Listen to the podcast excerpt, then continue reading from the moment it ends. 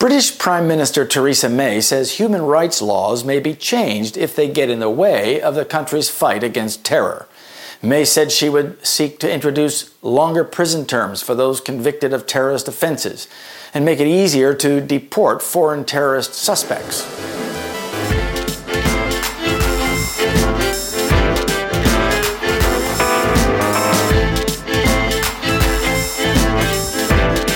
Dit is Radio Rechtsstaat met Nienke Venema en Jelle Klaas.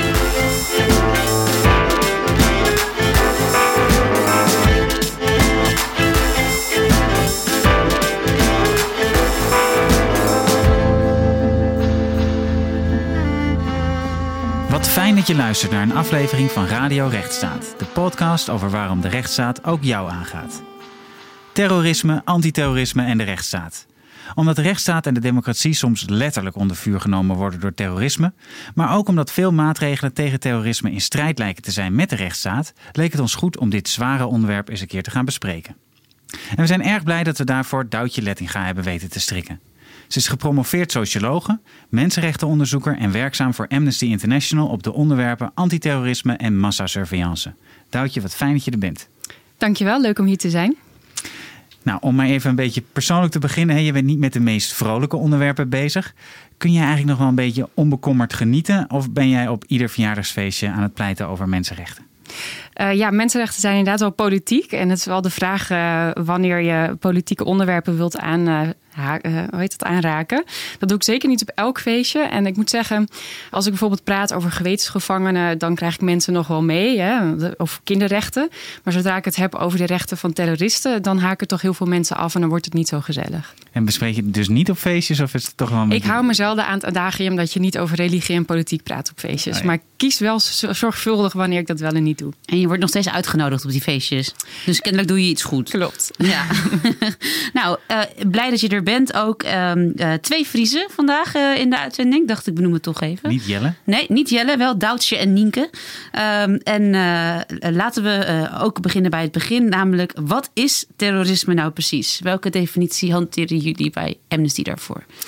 Uh, nou, er zijn dus geen eenduidige uh, definities over terrorisme. Um, er wordt internationaal heel veel over gesproken. Er zijn heel veel verdragen afgesloten tussen staten. Maar in geen van die verdragen is eigenlijk consensus wat terrorisme nou precies is. Er zijn wel pogingen gedaan, uh, bijvoorbeeld door het uh, Libanon-tribunaal. Maar ook die definities zijn eigenlijk niet overgenomen. En dat komt omdat terrorisme gewoon eigenlijk een heel politiek geladen begrip is. Een aantal elementen die er wel vaak in terugkomen, is dat uh, één, het gaat om het plegen of dreigen met strafbare feiten. En dat kan echt gaan over brandstichting, maar ook een aanslag plegen of zelfs een cyberattack. En twee, dat het vaak uh, bedoeld is met een, uh, een politiek doel. En dat kan zijn dat je de burgerbevolking angst wil aanjagen of dat je de staat wil oproepen om iets te doen of niet te doen.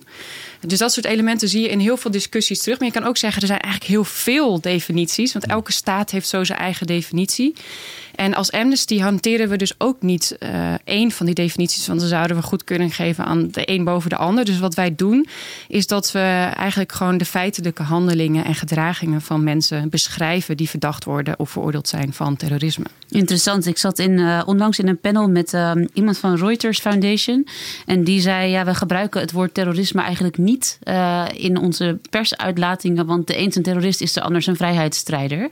En dus is het, is het ingewikkeld om daar een definitief label op te plakken. Vond ik best. Uh, ik wist dat niet. Ik vond dat heel interessant ja. om te horen. En ik had het toevallig net aan de lunchtafel met mijn collega's over het feit dat Volkert van der G bijvoorbeeld geen terrorist is. Hij heeft wel een politieke moord gepleegd. Maar hij wordt geen terrorist genoemd. En nou dachten ze bij mij dat dat was, omdat zijn doel was echt om die man te stoppen en niet om de bevolking angst aan te jagen. Denk jij ook dat dat klopt? Of Jelle, denk jij dat? Ja, ik denk dat dat uh, meespeelt. Ja? Maar ik denk dat in deze tijd dat wel sneller in dat kader geplaatst zou worden. Zou die wel eerder terrorist zijn? En Mohammed Ja. B ook? Ja, het is natuurlijk ik denk dat het inderdaad omdat het niet een gerichte aanval is om de samenleving te ontwrichten. Hè, want dat is vaak ook een van de elementen. Ehm, nou, daar zou je wel over kunnen discussiëren bij deze specifieke moord. Of dat niet zijn doel was om iets groters. Nee. Ja, en dat zie je dus, hè, dat dat gebeurt, dat staten, omdat ze hun eigen definities hanteren. Uh, dus ook uh, ja, andere soortige mensen soms daarvan verdenken dan in andere staten het geval is. En soms dus ook de verkeerde mensen, omdat ze het ook dat soort antiterrorisme-wetgeving kunnen misbruiken. Uh, om bijvoorbeeld politieke dissidenten de mond te snoeren. Maar daar komen we vast nog op terug. Oké, de angst is dus speelt een grote rol bij terrorisme, het, aan, het, aanjagen van angst. En angst voor terrorisme houdt mensen ook behoorlijk bezig.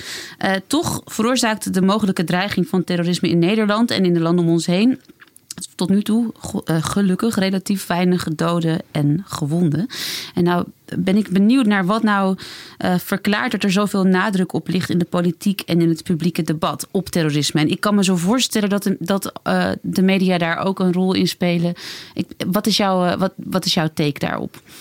Ja, het is eigenlijk het bekende keukentrapverhaal. Hè? Dus het, uh, de kans dat je komt te overlijden van een uh, huis, tuin- en keukenongeval is veel groter dan dat je komt te overlijden aan een aanslag, een terroristische aanslag.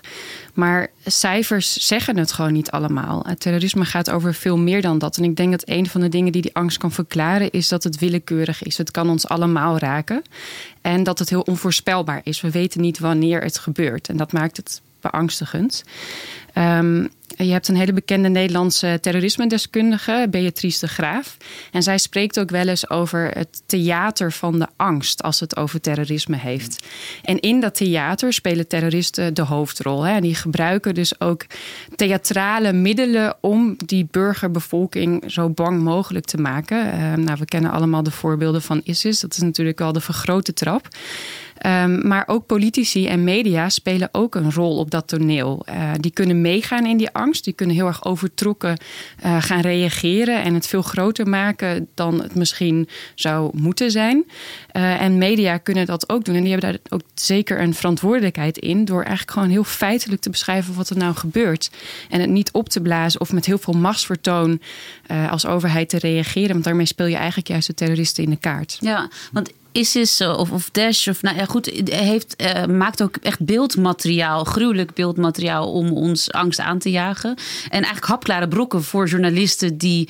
Uh, dat zouden kunnen publiceren en daar iets mee zouden kunnen doen. En je ziet binnen de media heel veel discussie hè, over of je dat dan wel of niet, of je daar nou wel of niet in mee moet gaan. Want je hebt, de bevolking heeft het recht op informatie, maar je wilt ook niet uh, de terrorist in de hand spelen. Dat maakt het best wel een ingewikkelde. Ja, ik denk dat het heel spanning. terecht is dat we daar discussies over voeren. Ik zou zeggen, we moeten zeker geen censuur plegen, maar we moeten ook niet sensatiejournalistiek gaan bedrijven. Juist niet op dit onderwerp. Nee, vind je dat we dat doen in Nederland? Uh, nee, ik vind dat tot nu toe uh, Nederlandse journalistiek zich uh, goed aan, aan de feitelijke beschrijvingen houdt. Maar het verschilt natuurlijk wel van het ene medium tot het andere. Ja. Dan zijn er wel uitschieters. Ik, ik heb wel af en toe wat ja. voorbij zien komen in sommige media dat je denkt, nou nou. Ja, maar over het algemeen zeg jij balans. Ja, over het algemeen vind ik, heb ik dat beeld nog wel, ja. Okay. En misschien komt dat ook omdat het nog niet zo dichtbij is geweest. Hè? In tegenstelling tot bijvoorbeeld Frankrijk, waar echt heel veel aanslagen zijn geweest de afgelopen jaren. Dus misschien dat de journalistiek dan er ook anders mee om zou gaan. Zie je ook dat in, dat in Frankrijk? Ik vraag er even op door. Ik vind het super interessant. Zie je in Frankrijk dat de media er anders mee doorgaat? Dat durf ik niet te zeggen. Nee, ja, ik lees ook geen Franse kranten, dus dat zou ik ook niet weten. Maar het, het is wel interessant om. Uh, je ziet wel dat de politiek er heel erg overtrokken op reageert. Hè? Uh, dat er een staat van een noodtoestand is uitgeroepen. Dat er allemaal bevoegdheden worden ingezet. Met heel veel machtsvertoon op dat terrorisme wordt gereageerd. En dat is wel de vraag of dat verstandig is. Of je dan niet meegaat in dat theater, wat juist die terroristen willen uh, veroorzaken. Hè, en die angst willen of, uh, laten zien. En laten zien van kijk, daar heb je die staat weer. Die onderdrukkers. En dit is waarom we het doen. Want wij zijn nou ja, die vrijheidsstrijders waar jij het eerder over had. Ja, want uh, daarop voortbordurend. terrorisme en de rechtsstaat en mensenrechten hebben, hebben met elkaar, veel met elkaar te maken. Er zit ook een, een, een soort spanning tussen die waar jij nu al een beetje, die jij nu een beetje begint te beschrijven. tussen uh, het feit enerzijds dat, je, dat, dat de politiek mensen wil beschermen uh, en mensen wil informeren. En anderzijds de mensenrechten van bepaalde mensen of groepen daardoor beperkt, inperkt of zelfs afpakt om dat te kunnen doen. Um, Is dat, is, dat, is dat ook een spanning waar jij in je werk veel mee bezig bent? Ja, juist uh, op uh, veiligheidsthema's en terrorismebestrijding zie je die enorme spanning met de rechtsstaat. Um, ik, ik zou heel graag even wat willen vertellen over een uh, onderzoek dat wij als Amnesty hebben gedaan in 2014, waarbij we de wetgeving hebben bekeken die Europese lidstaten sinds 2014 hebben aangenomen. Um, sorry, het onderzoek is uitgekomen in 2016. Dus we hebben twee jaar lang al die wetgeving gevolgd. En ook in 14 landen bekeken. Nou, en als je dan één zo'n wet ziet, dan schrik je soms al. Hè? Dus denk bijvoorbeeld aan de Nederlandse sleepwet, die heel ver gaat in het surveilleren van gewone burgers.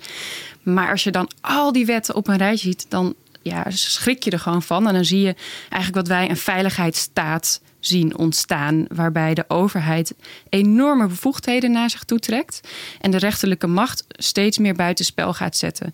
Dus de overheid kan heel diep ingrijpen in jouw persoonlijke levenssfeer of jouw vrijheden beperken.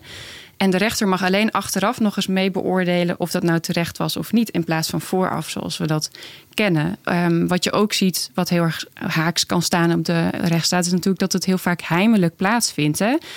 Um, dit soort operaties. Dus als burger weet je niet goed wat er gebeurt. En daardoor is het ook heel moeilijk om de overheid ter verantwoording te roepen.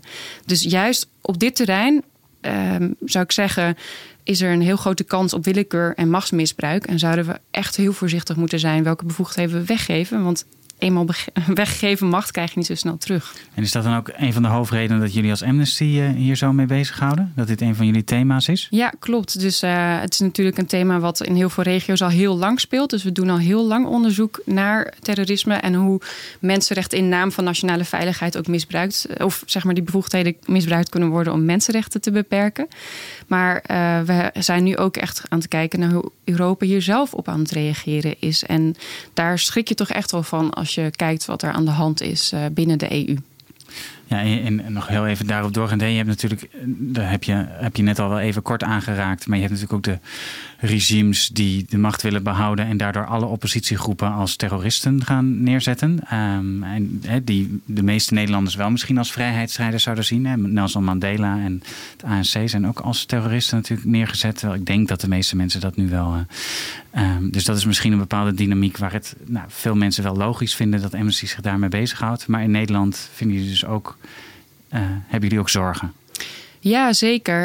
Um, het is natuurlijk veel um, subtieler hè, wat, je, wat je ziet. Dus het heeft veel meer met uh, hele fundamentele rechtsstatelijke uh, uitgangspunten te maken. Zoals ik net al had, hè, de scheiding der machten en dat de rechterlijke macht ook de overheid moet kunnen controleren. Um, ik kan een paar onderwerpen noemen waar we ons als Amnesty bijvoorbeeld mee bezig hebben gehouden. Allereerst wat jij al noemde, hè, dus hoe conterterrorisme wetgeving misbruikt kan worden om dissidenten, activisten, mensenrechtenverdedigers uh, de mond te snoeren, te intimideren. Um, als Amnesty hebben we, zijn we daar zelf slachtoffer van geworden. Dus in Turkije is onze voorzitter gearresteerd op uh, ridicule aantijgingen van terrorisme, zonder dat daar echt een verdenking en goed bewijs onder aan de grondslag ligt. En die heeft echt één jaar vastgezeten. Oh. En uh, nou ja, dan hebben we het nog niet eens over eerlijk procesrechten die daar geschonden zijn. Een tweede thema, en dat is bijvoorbeeld iets wat je in Europa ook ziet, is de vrijheid van meningsuiting. Dus er worden steeds meer wetten aangenomen waarbij um, het zogenaamde verheerlijken van terrorisme strafbaar gesteld wordt. Zonder dat er vereist wordt dat die bedoeling ook die persoon die dan zogenaamd zou verheerlijken, uh, ook echt oproept tot geweld of van plan is om geweld te plegen. En dat kan heel gevaarlijk zijn, want dan kunnen onschuldige uitingen ineens verboden worden en ertoe leiden dat jij in de bak komt. En dat hebben we dus ook zien gebeuren in ehm, Spanje, waar dit soort wetgeving al langer bestaat. Waar nu rappers en kunstenaars eh, vervolgd worden voor het verheerlijken van terrorisme, doordat ze bijvoorbeeld ehm, standpunten hebben ingenomen over communistische strijdgroepen uit het verleden. Of tegen het Koningshuis, geloof ik. Of tegen het Koningshuis. Ja, was niet heel smakelijk, maar om dat nou als terrorisme te zien. Ja.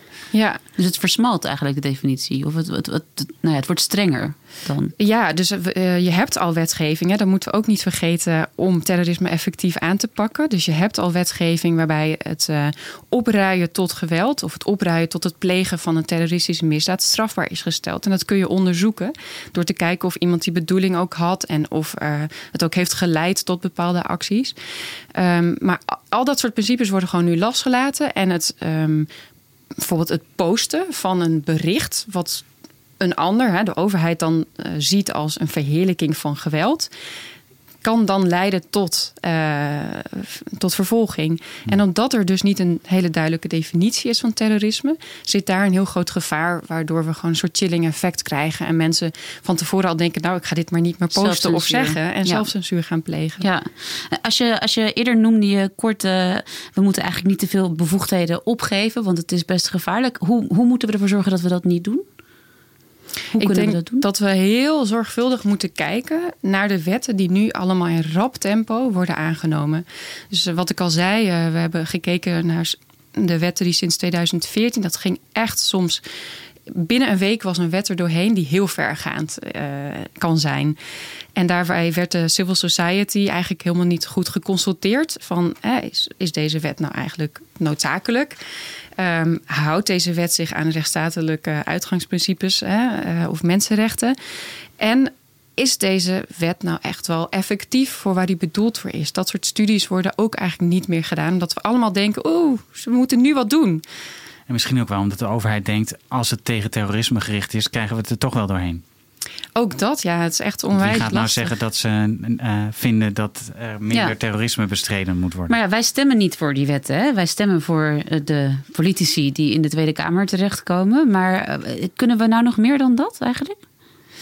Um, ik denk dat we als burgers inderdaad uh, veel meer kunnen. Dus we kunnen echt veel meer van ons laten horen als dat soort wetten bediscussieerd worden of aangenomen zijn. Ik vond eigenlijk het voorbeeld van nou ja, de wet op de inlichting en veiligheidsdienst en sleepwet in Nederland een heel goede daarvan. Het referendum. Zich hebben uitgesproken van dit gaat te ver, jongens. En luister naar ons. Uh, wat er vervolgens mee gedaan is, is een tweede. Gelukkig maar dat... zijn er nog bepaalde groepen bezig met het voorbereiden van de rechtszaak.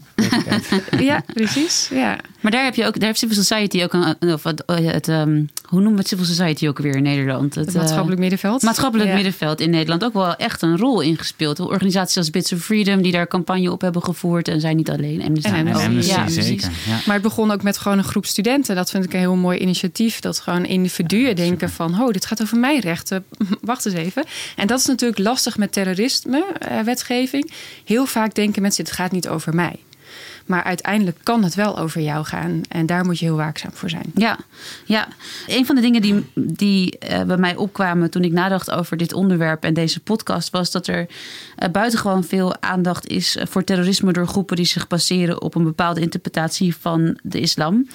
Uh, en nou goed, daar heb ik ook begrip voor, want daar wordt ook op ingespeeld door groepen als ISIS en Daesh. Die willen ook echt die aandacht daarvoor pakken. Maar er is ook veel ander terrorisme in de wereld. Anders Breivik in Noorwegen. De Tsjetsjeense gijzelaars op een school in Bestland. En overigens ook in Nederland werden in oktober 2016 volgens mij vijf mannen veroordeeld... voor een terroristische aanslag op een moskee in Enschede. Um, wat verklaart volgens jou nou de nadruk op terrorisme in de naam van islam? En is dat een, volgens jou een terechte nadruk? Ja, dat is uh, echt niet eenvoudig uh, te beantwoorden. En als Amnesty hebben we ook niet onderzoek gedaan naar uh, wat die nadruk op de ene vorm van terrorisme nou zou kunnen verklaren. maar is zeker niet terecht. Hè? Dus als, als Wilders zegt van Um, niet elke moslim is een terrorist, maar alle terroristische aanslagen worden door moslims gepleegd. Dan heeft hij gewoon ongelijk. Ja. Hè? Dat, dat klopt gewoon niet. Um, en ik heb even wat cijfers erbij gezocht, maar uh, in 2016 heeft Europol hè, heeft een studie gedaan. En daaruit blijkt dat echt het overgrote merendeel van alle aanslagen gepleegd is door nationalistische en separatistische bewegingen. Maar dat het grootste aantal slachtoffers wel door jihadistisch uh, terrorisme is gevallen binnen Europa, heb ik het dan over. Dus ik denk, ja, cijfers zeggen gewoon niet alles. Um, mensen vinden, denk ik, het uh, vreemder en enger en beangstiger uh, als terrorisme in naam van islam wordt gepleegd. Omdat het dan als een aanval van onze hele westerse waarden wordt gezien, ervaren of geportretteerd. Mm. En ik denk dat dat laatste ook heel belangrijk is. Wie spinnen daar nou garen bij? Hè? En dat die aandacht zo onevenredig op islam uh, wordt gelegd of op terrorisme in naam van islam. Dus wat je, wat je ziet is dat uh, geweld steeds meer wordt geculturaliseerd. Hè? Dus in de zin van het heeft met de cultuur van de moslims te maken of met de religie van de moslims en andere factoren worden uitgesloten die ook een rol spelen en die uh, bijvoorbeeld sociaal-economisch van aard zijn. En daar uh, spinnen natuurlijk politieke partijen, anti-islampartijen, zeker een, een garen bij. Um, Rusland bijvoorbeeld uh, heeft. Um, toen na de aanslagen in België, hè, de catastrofale aanslagen, um, nepnieuws verspreid dat op dat moment dat die aanslagen met migratie en met islam te maken zouden hebben. Dat is allemaal over het internet gegaan. Dus andere landen, andere grootmachten hebben er um, baat bij om onrust en verdeling uh, te verspreiden. En andere politieke partijen ook. En ik denk dat we echt heel waakzaam moeten zijn met wat het effect daarvan is. Hè. Um, er worden grote, hele groepen in zijn geheel weggezet. Dat is enorm stigmatiserend, discriminerend. Maar dat kan ook tot nog meer vervreemding leiden mm. bij die groepen. Het is een catch-22 um, eigenlijk. Ja, dat. En uh, we, we krijgen een blinde vlek voor andere vormen van geweld. En andere vormen van geweldsdreiging. Dus uit links-extremistische hoek, uit uh, rechts-extremistische hoek. Eindelijk is er nu een rapport uh, door de AIVD gepubliceerd over de dreiging uit rechtsextremistische hoek. Ja, begin oktober? Uh, begin oktober ja. inderdaad. Uh, ik vond dat uh, opmerkelijk laat. Want die dreiging wordt door verschillende andere journalistieke bronnen al heel lang gezien. En die dreiging is niet mis. Hè? Dat is een fundamentele dreiging voor de rechtsstaat. Omdat er echt verdeling en haat wordt gezaaid door dat soort groepen. Weliswaar op een meer subtielere manier dan met een aanslag.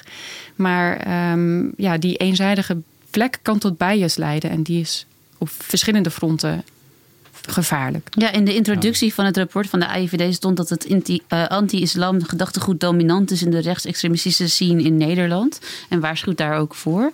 Uh, en je noemde net ook al dat, um, dat het stigmatiserend werkt. De nadruk die er ligt op, uh, jij noemde het jihadistisch terrorisme of terrorisme in de naam van islam. Of ik vind het altijd moeilijk om daar nou de, de goede woorden ook, ja. voor te gebruiken. Ja.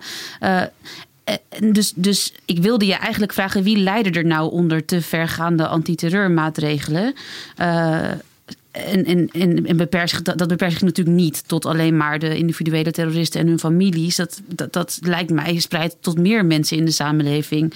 We noemden net al uh, wat het doet met mensen met een islamitische of een moslimachtergrond uh, in onze landen. Uh, is dat ook iets waar jij, je mee, waar jij je mee bezighoudt, waar jij je op richt in je onderzoek of waar je je misschien als persoon zorgen over maakt? Ja, zeker. Dus aan de ene kant heb je natuurlijk de wetgeving, wie, wie wordt geraakt door de wetgeving. Aan de andere kant heb je het praten en het narratief erover. Hè? En dat heeft natuurlijk een groter effect.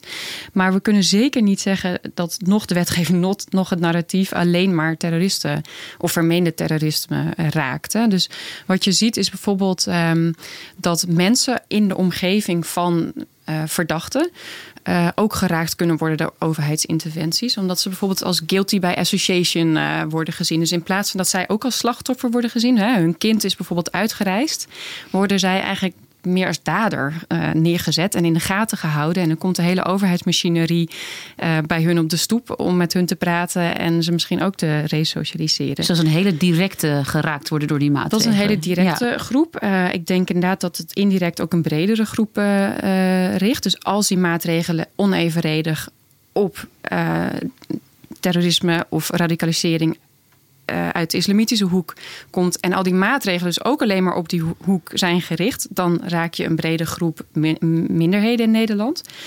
Um, maar denk ook aan ons, hè, witte burgers, uh, aan bijvoorbeeld de surveillancebevoegdheden die in naam van nationale veiligheid er doorheen geduwd zijn. Dat betekent ook dat onze communicatie onderschept wordt zonder dat er per se uh, een noodzakelijke reden voor is. Um, je kunt ook denken over spillover-effecten. Um, dus uh, bijvoorbeeld in Frankrijk, hè, daar zijn tijdens de noodtoestand heel veel bevoegdheden gecreëerd. waarbij de overheid uh, demonstraties mag verbieden. Uh, als dat echt. Nou, tot een heel groot gevaar zou kunnen leiden, namelijk een terroristische aanslag. Die bevoegd... Als ze die niet zouden kunnen beschermen, genoeg. Hè? Dat was volgens mij, het komt niet vanuit de demonstratie, maar er zou dan te weinig politie zijn om zo'n grote demonstratie te kunnen beschermen. En dus werd de demonstratie verboden? Ja, er zijn echt heel veel demonstraties verboden. En er zijn heel veel individuele activisten ook verboden om met demonstraties mee te doen. En dat betrof klimaatactivisten. Dat betrof mensen die bij vakbonden aan het demonstreren waren. Dus die hadden helemaal niks met terrorisme te maken. Dus laten we nog een keer benadrukken: dit soort bevoegdheden gaan ons allemaal aan. Uh, En op de korte termijn denken wij van niet, maar op de lange termijn is dat zeker zo. Ja, het feit, heel mooi gezegd. Ik denk dat een samenleving die minder vrij is voor een deel van de mensen, ja, het maakt het voor ons allemaal ook, ook lastiger als je minder kan. En nog een heel klein ding, maar uh, is natuurlijk de uitgaves aan alleen al de War on Terror van de Verenigde Staten. Als je kijkt hoeveel miljarden er zijn geïnvesteerd in wapens voor oorlogen. Waar je, ja. Uh, ja daarmee hadden we de wereldhonger een paar keer kunnen oplossen. Zeg maar, of iedereen naar school kunnen laten gaan. En misschien had je daarmee een veel betere bijdrage kunnen leveren aan het stoppen van terreur dan uh, allemaal dorpen bombarderen in allerlei landen waar je niks te zoeken hebt. Um, maar goed, dat is een meer metapolitiek punt dat ik toch even. Nou ja, maar, maar wel een heel belangrijk punt. Is er eigenlijk veel bekend over wat er wel of niet werkt als het gaat om terrorisme maatregelen? Ja, goede vraag. En ik wil zeker geen pleidooi houden dat we geen uh, antiterrorismebevoegdheden moeten creëren. We moeten ervoor zorgen dat die niet doorschieten en dat die binnen de kaders van de rechtsstaat die, die strijd tegen terrorisme uh, zich afspeelt. Um, nou, over de effectiviteit, nee. er zijn echt nauwelijks evaluaties van uh, het beleid, niet in Nederland of in andere landen. Wat ik zeg, er zijn heel veel wetten doorgevoerd zonder dat er van tevoren eigenlijk een voorafgaande analyse werd gemaakt van hey, um, gaan wij met dit beleid of deze bevoegdheden die nu gecreëerd worden wel het doel bereiken wat we voor ogen hebben. Maar ook achteraf nog niet. En dat is ook best wel lastig, want het gaat ook over lange termijnseffecten.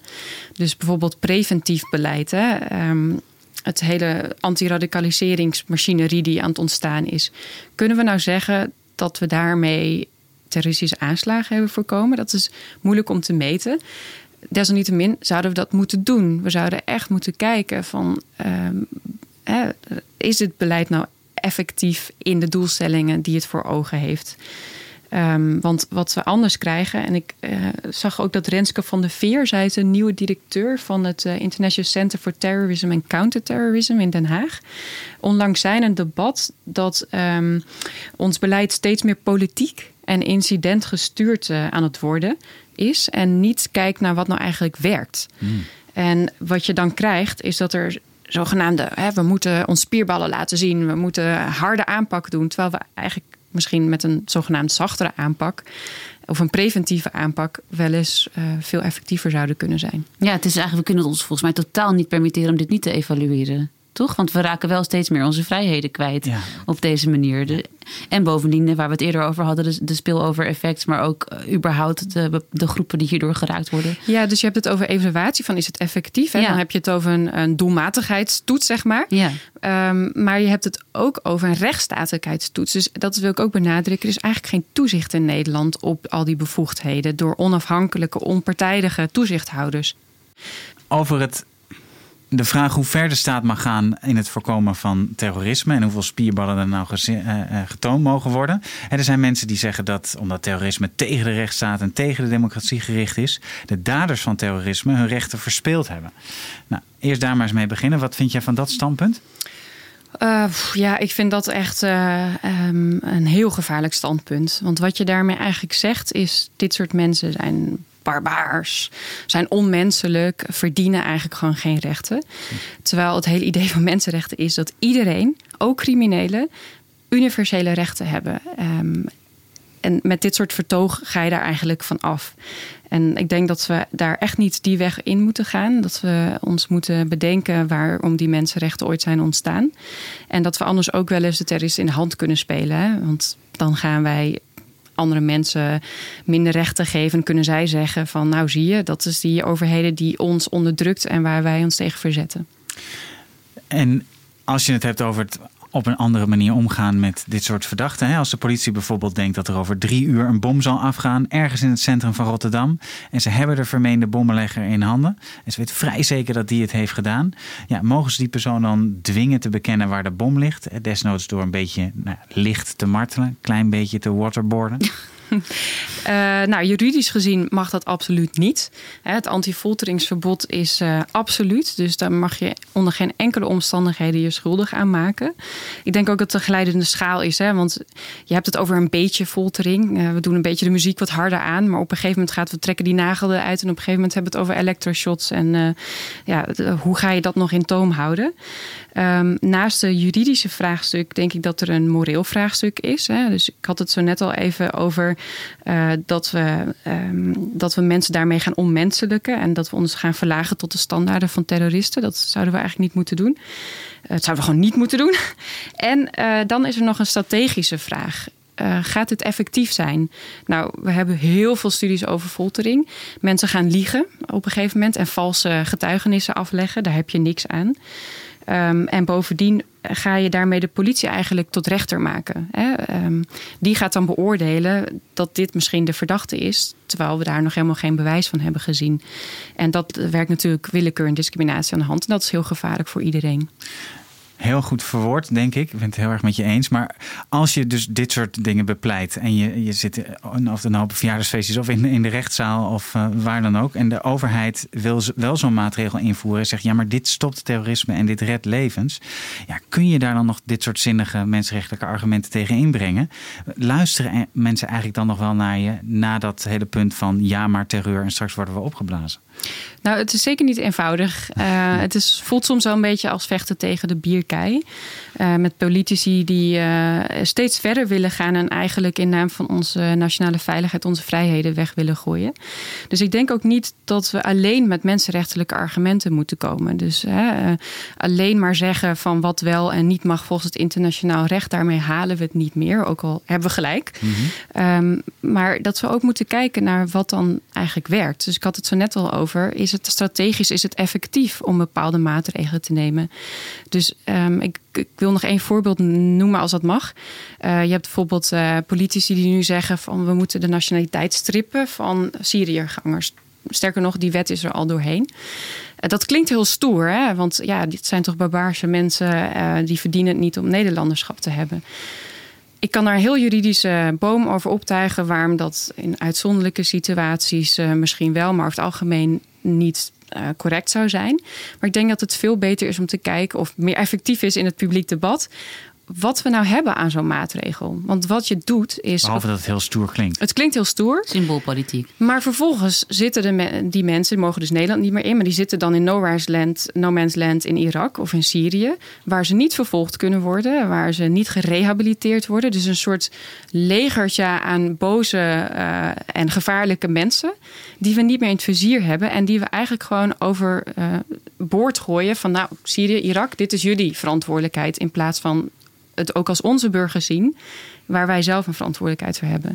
Dus ik denk dat we er niet in moeten trappen in die spierballentaal en toch echt heel uh, rustig en kalm moeten blijven, uh, moeten bekijken wat nou werkt en wat niet werkt en niet met de historie meegaan. Ja, en ik wilde eigenlijk graag op een positieve noot uh, proberen af te sluiten. Namelijk door je te vragen welke maatregelen wel helpen tegen het aanpakken van terrorisme. Zonder dat daarbij de grondrechten van anderen worden geschonden. Maar nu ik weet dat we eigenlijk uh, niet tot nauwelijks evalueren. en we ook zo'n heel scenario hebben besproken aan wat er allemaal misgaat. heb je hier wel een antwoord op? nou, allereerst is dat begin. een antwoord, denk ja. ik. We ja. moeten echt veel meer investeren in het monitoren en evalueren van beleid. Ja. En dan, en over het punt van toezicht. Echt investeren in onafhankelijk, effectief toezicht. waarbij de mensenrechten ook getoetst worden. Dat is denk ik één punt wat, waar ik denk uh, waar we veel meer aandacht aan zouden moeten Verbetering, besteden. ja. Een tweede is denk ik wat werkt, is een strategie met heel veel instrumenten. Dus niet alleen maar repressief, maar ook preventief. Uh, dat je die combineert en dat je maatwerk gaat leveren. Want elke verdachte van terrorisme of extremisme heeft een andere aanpak nodig. Um, en ten derde, we moeten ook niet denken dat we met iets heel nieuws te maken hebben. Terrorisme is al oud, criminaliteit is oud. We hebben een heel instrumentarium opgericht om met zware criminelen om te gaan. Rehabiliteren, vervolgen. Waarom gebruiken we die instrumenten niet? Ten slotte zou ik willen zeggen, um, moeten we investeren in vertrouwen. En dan helpen zeker niet spierballentaal, uh, stigmatisering, vervreemding. We hebben mensen uit alle gemeenschappen nodig om met elkaar samen te werken om dit soort problematieken aan te pakken. Dank je wel. En dat is het einde van uh, deze podcast-aflevering over uh, antiterrorisme of over antiterreurmaatregelen. We spraken met Douwtje Lettinga, senior beleidsmedewerker bij Amnesty. Onder andere over terrorisme versus bijvoorbeeld vrijheidsstrijders. Het steeds strenger wordende antiterrorismebeleid. En de spanning die dit geeft met de rechtsstaat. En over de nadruk die er in het publiek debat ligt op islamitisch terrorisme. En of dat wel of niet terecht en effectief is. Dank je wel dat je er was. Graag gedaan. Heel erg leuk om hier te zijn. En volgens mij mij moeten we hier nog veel meer over blijven praten. Ja, laten we erover doorpraten. Absoluut.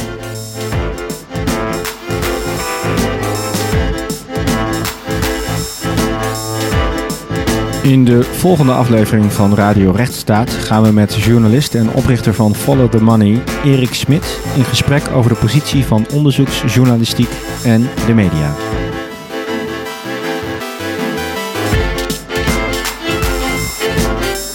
Radio Rechtsstaat is gemaakt door Nienke Venema, Jelle Klaas en Andreas Willemsen en wordt opgenomen bij Salto in Amsterdam. Kijk op www.radiorechtsstaat.nl voor alle afleveringen en meer informatie. Je vindt ons trouwens ook op Twitter en natuurlijk op Facebook. Vind je Radio Rechtsstaat interessant? Laat dan een review en een rating achter op iTunes of je andere podcast app. Dankjewel.